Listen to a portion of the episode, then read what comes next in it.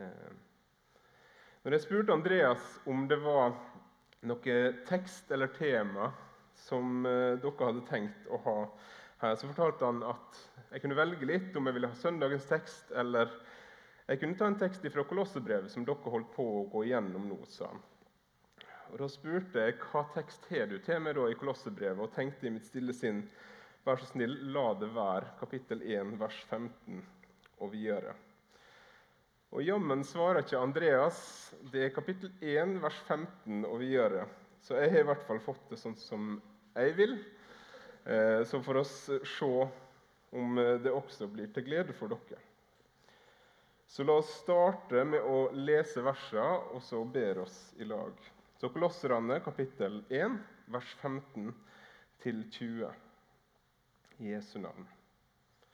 Han er bildet av den usynlige Gud, den førstefødde før alt det skapte. For i Han ble alt skapt, i himmelen og på jorda, det synlige og det usynlige, trone og herredømme, makter og åndskrefter. Ved Han og til Han er alt skapt. Han er før alt, og i Han blir alt holdt sammen. Han er hodet for kroppen, som er kirka. Han er opphavet, den førstefødde fra de døde, så han i ett og alt skal være den fremste. For i han ville Gud la hele sin fylde bu, og ved han ville Gud forsone alt med seg, det som er i himmelen og det som er på jorda, da han skapte fred ved hans blod på korset. La oss be. Kjære Jesus, for den du er. Takk for ditt ord til oss. Må du bli synlig gjennom det for oss og for vårt hjerte. Hellige Ånd, må du komme med din overbevisning, med din kraft. Velsign meg når jeg nå skal forkynne. Far, hellig oss i sannheten. ditt ord er sannhet. Amen. Dette er en helt vanlig søndag. Eh, det er første feriesøndag, så en helt vanlig søndag er det jo ikke for min del. Da, men likevel, om et par timer så sitter jeg en eller annen plass og spiser en helt vanlig søndagsmiddag. Tenker på helt vanlige ting, går en tur, spiller golf, ser en fotballkamp eller gjør noe annet som jeg syns er avkoblende og kjekt. Og det er bra, og det er godt. Jeg håper du gjør det samme så håper og tror jeg likevel at denne teksten har ting å fortelle oss som kan gjøre at dette vanlige blir enda litt vakrere for oss. Og jeg tror denne teksten har ting å fortelle oss som kan gjøre livet litt lysere de gangene det blir mørkt for oss. Og gi perspektiv til alle disse hverdagene som utgjør livet. Og gi farge og lys til det grå og kjedelige og det mørke og vanskelige. Det er sannheten i disse få versene som hvis oss griper dem, det går an å leve på og dø på. Rett før disse versene, som jeg antar dere har vært gjennom allerede, så ber Paulus om at de kristne i Kolossai skal bære frukt i all god gjerning og stadig vokse i kjennskap til Gud. Og Han sier at de skal styrkes av krafta fra Jesu herlighet, så de alltid er utholdende og tålmodige, og med glede takka Far. Alltid utholdende og tålmodige, så de med glede takker Far. Og Så glir det over i vår tekst, som er ei hymne om Jesus. Om det er Paulus som har skrevet den, eller om den fantes og ble brukt i kirka allerede, det vet oss ikke. De har i hvert fall blitt brukt som en hymne disse 2000 åra siden Paulus skrev det ned og med god grunn. Det er en av de tekstene i hele Det nye testamentet som klarest og sterkest understreker hvem Jesus er. Jesu storhet, at han er over alt og alle. Han er den fremste, den største, den øverste. Johannes 1 om ordet er en annen starten av hebreerbrevet, der forfatteren skriver at før så har Gud snakka til oss gjennom profeter. Men nå har han kommet nær og talt direkte til oss gjennom sin sønn. Eller Filipperne 2, om hvordan Jesus fornedrer seg sjøl. Tar en tjeners skikkelse og er villig til å dø. Og deretter bli opphøgd til det høyeste. Skal jeg oppsummere teksten for i dag i én setning, så vil jeg gjøre det med avslutninga av vers 18. I ett og alt er Jesus den fremste. Den beste, den øverste, den høyeste, den mektigste. Det er ingen over han, det er ingen ved sida av han, det er ingen i nærheten av han. Jesus er den fremste. Som han sjøl sier det i Åpenbaringa kapittel 22. Jeg er alfa og omega. Jeg er den første og den siste. Jeg er begynnelsen og enden. Topp av alt, over alt, er Jesus. Hvorfor er det gode nyheter? Heldigvis gir teksten oss en del punkt om også det. og Disse punktene kunne vært en hel men jeg skal begrense meg. Det første punktet er Jesus han var før alt som er, er. Eller en kan si det motsatt. Jesus er før alt som er, var. Der fantes ingenting av det du og jeg forholder oss til, før Jesus fantes. Jesus eksisterte før alt det den førstefødte før alt det skapte. Født av Gud før alle tider, sier en av de oldkirkelige bekjennelsene til oss. Han er ikke en del av det skapte fra begynnelsen av. Han er utafor det, han er over det. Han er den samme som Gud presenterer seg til, Moses når han sier, Moses spør hvem skal jeg si sendte meg. 'Jeg er', svarer Gud. Eller sagt på en annen måte 'den værende', den som alltid er. Det er Jesus også. Tilværelsens, vårt livs, vårt verdens forutsetning og utgangspunkt. Den som alltid er. En gang i Johannesevangeliet blir Jesus konfrontert av jødene og de spør til slutt du er vel ikke større enn far, vår, Abraham. Hvorpå Jesus svarer sannelig, jeg sier dere, før Abraham var, er jeg. Han er alltid. Ingenting er som er eldre enn Jesus. Det fører oss videre til neste punkt. Alt ble skapt i Jesus ved Jesus og til Jesus. Hva bruker Gud når han skaper verden? Hva trenger han for å skape av materie? Ingenting. Han taler, og det blir. Gud trenger ingenting for å skape. Han, den evig værende Gud, skaper alt i Sønnen, i seg sjøl, ved Sønnen og til Sønnen. Jorda som oss bor på, og som flyr rundt i et tilsynelatende uendelig univers. Alt skapt i og ved Jesus. Og dette universet, forteller vitenskapsfolk oss, utvider seg tilsynelatende for fortsatt. Altså, det uendelige er i vekst, dere. Skapt i og ved Jesus. Så stort at oss knapt kan forestille, det, forestille oss det. Men også den minste celle, den minste organisme, skapt i og ved Jesus. Og størst av alt i Guds øyne mennesket, du og jeg. Skapt i og ved Jesus, i Guds bilde for å ligne på ham. og dette bildet blir fullkomment når Gud blir en del av det skapte i mennesket Jesus Kristus.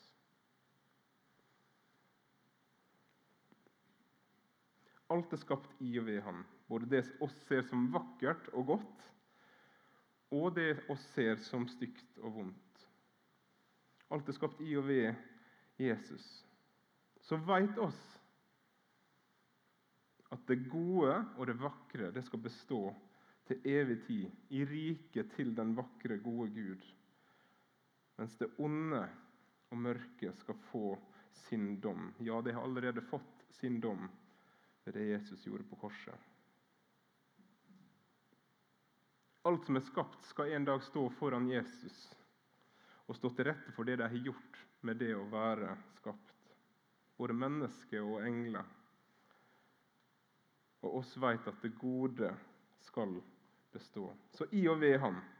Men til Han, hva betyr det? Hadde Jesus, Guds sønn, mast på sin far for å få en verden, et univers, å leke seg i.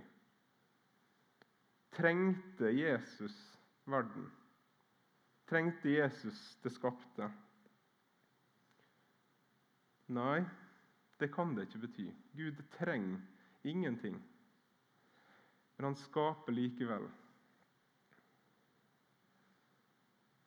Og dette høres kanskje egosentrisk ut i menneskelige ører. Men jeg tror han skaper det for å vise sin herlighet. At det er skapt til Jesus på den måten at det skapte er som en lyskaster på Guds herlighet, på hans storhet, på den han er. I Salme 19 står det 'Himmelen kunngjør Guds ære'. 'Kvelven forteller om det hans hender har gjort'. Det er ikke tale, og ikke ord. Stemmene kan ikke høres, men de når ut over hele jorda. Ordene når dit verden enda.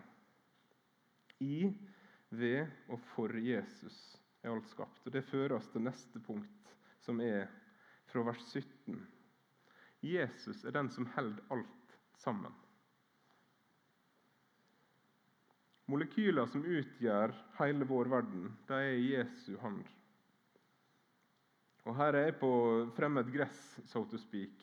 Her er det folk i salen som kan mer om det enn meg. Men så vidt jeg har forstått, så er hver celle, hver ting, hver stjerne, til og med luftas puste, molekyl. Og Likevel så vet på en eller annen måte molekyler som utgjør kroppen min, at de utgjør kroppen min. Det samme med de som utgjør kroppen din. Og Når jeg slår på noe, eller når jeg klapper i hendene, Hvorfor er det da sånn at molekyler ikke går gjennom hverandre, men faktisk kolliderer? Og Der er svaret, så vidt jeg har hørt, at vi ikke helt vet hvorfor molekyler ikke går gjennom hverandre, men kolliderer når jeg gjør sånn. Fascinerende. Hvert molekyl, hver organisme, hver planet er minutt for minutt, sekund for sekund, helt avhengig av Guds, av Jesu, opprettholdende kraft. Alt det skapte, uansett om det gjør godt og ønsker å leve med Gud, eller gjør ondt og er i opprør mot Ham Alt sammen er helt avhengig av at Gud holder det oppe.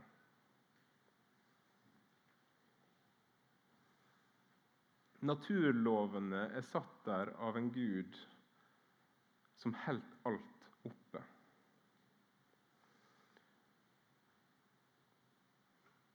Vladimir Putin er helt avhengig av Guds opprettholdende kraft.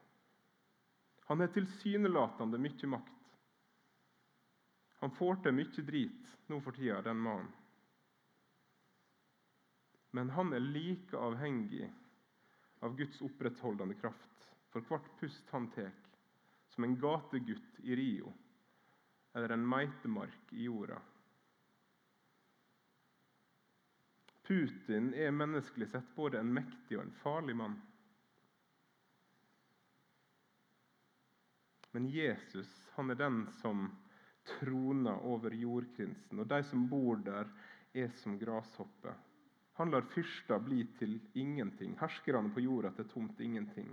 Knapt er de planta, knapt er de sådd, knapt har de slått røtter. For han bles på dem så de visna, og stormen bar dem bort, bort, som halm, står det i Jesaja kapittel 40. Jesus held alt oppe. Og all verdens ondskap og makt har én ting til felles. Jesus står over det. Krig og elendighet og herskere som har misbrukt makt det har vært en del av menneskehetens historie i tusenvis av år. Felles for alle disse herskerne er at de har fått sin ende. De skal også få sin ende. Det gode skal bestå. Rettferdigheten skal seire. Hver tåre skal tørkes. Putin har makt, men Jesus har all makt i himmel og på jord.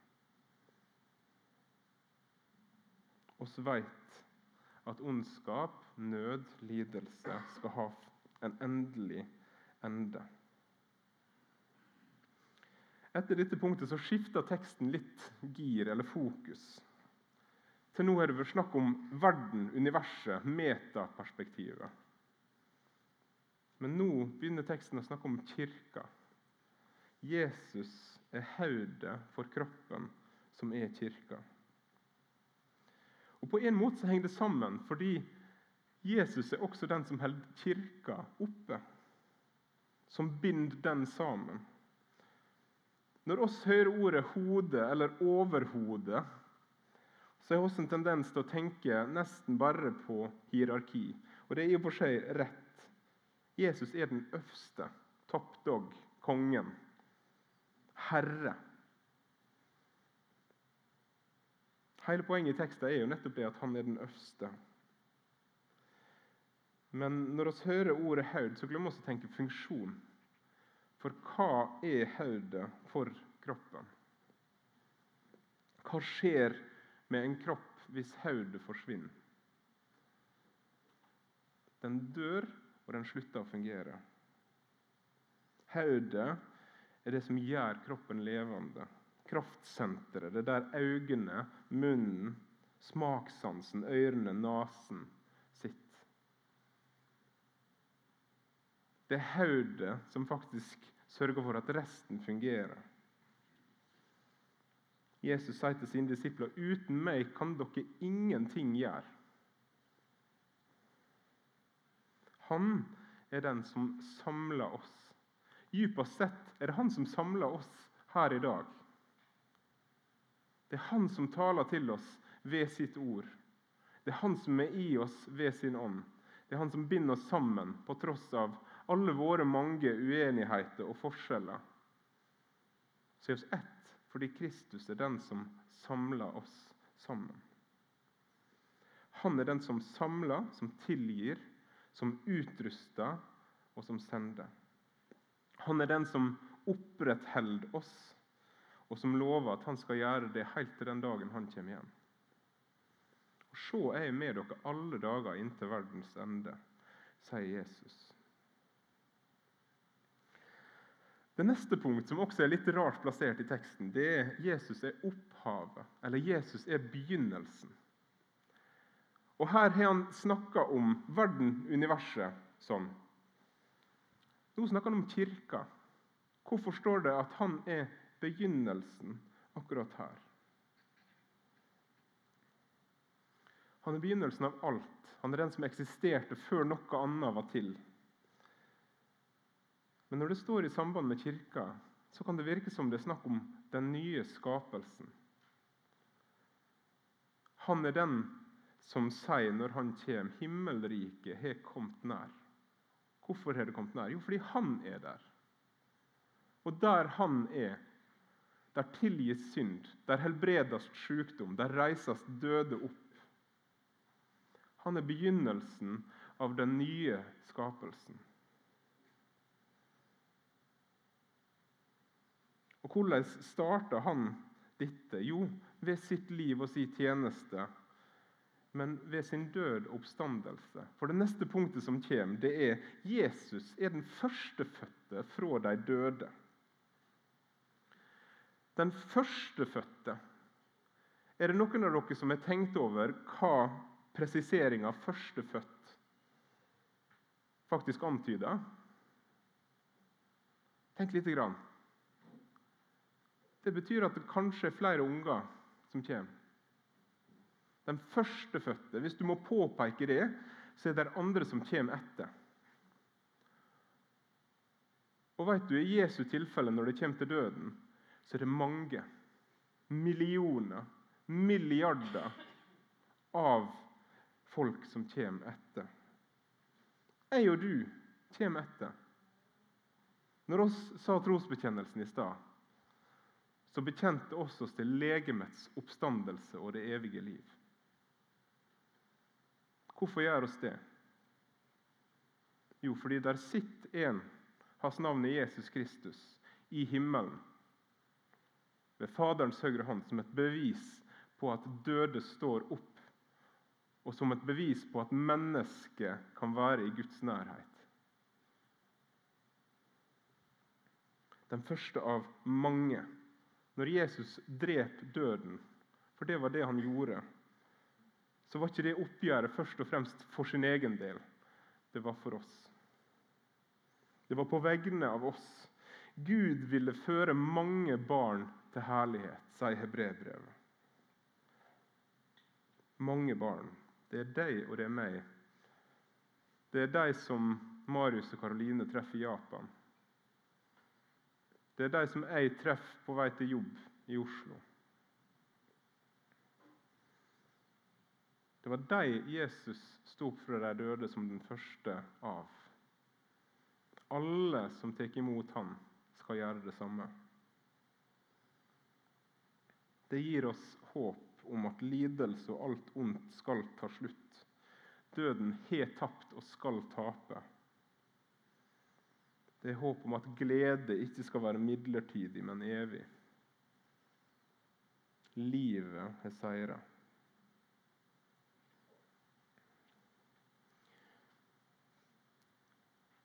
Snart ferdig nå, men et nok sånn åpenbart punkt kanskje er Jesus er Gud. Teksten vår starter han er bildet av den usynlige Gud. Og i vers 19.: For i Han ville Gud la hele si fylde bo. Så Jesus er Gud. OK, so what? Teksten påpeker noe enda bedre og viktig for oss, nemlig at Jesus han er Gud helt og fullt, men enda bedre. Han er Gud synlig, kroppslig til stede og nærværende. Han er Gud blitt menneske, og han har ikke slutta å være det. Når du forholder deg til Jesus, så forholder du deg til en bror, både ved adopsjon, at du er adoptert inn i Guds familie, fått arverett i lag med han, men også en bror på den måten. Det er et menneske du møter. Det du går igjennom, det kan han ha medfølelse med deg i, fordi han har gått under de samme forutsetningene. Han har møtt ondskap, han har møtt lidelse. Han har grått ved en venns grav. Han er blitt piska og spotta og slått. Ja, sjølve døden har han møtt. Når du møter Jesus, så er ikke det en fjern Gud. Er han opphøgd? Visst er han. Hele poenget i teksten. Han er den fremste, den øverste. Men han er bildet av den usynlige Gud. Han er Gud gjort synlig. Johannes starta sitt brev med å si det som oss så og hørte og rørte ved, det er det oss forkynner. Jesus er nærværende. Han er Gud, men han er bror. Han er herre, men han er venn.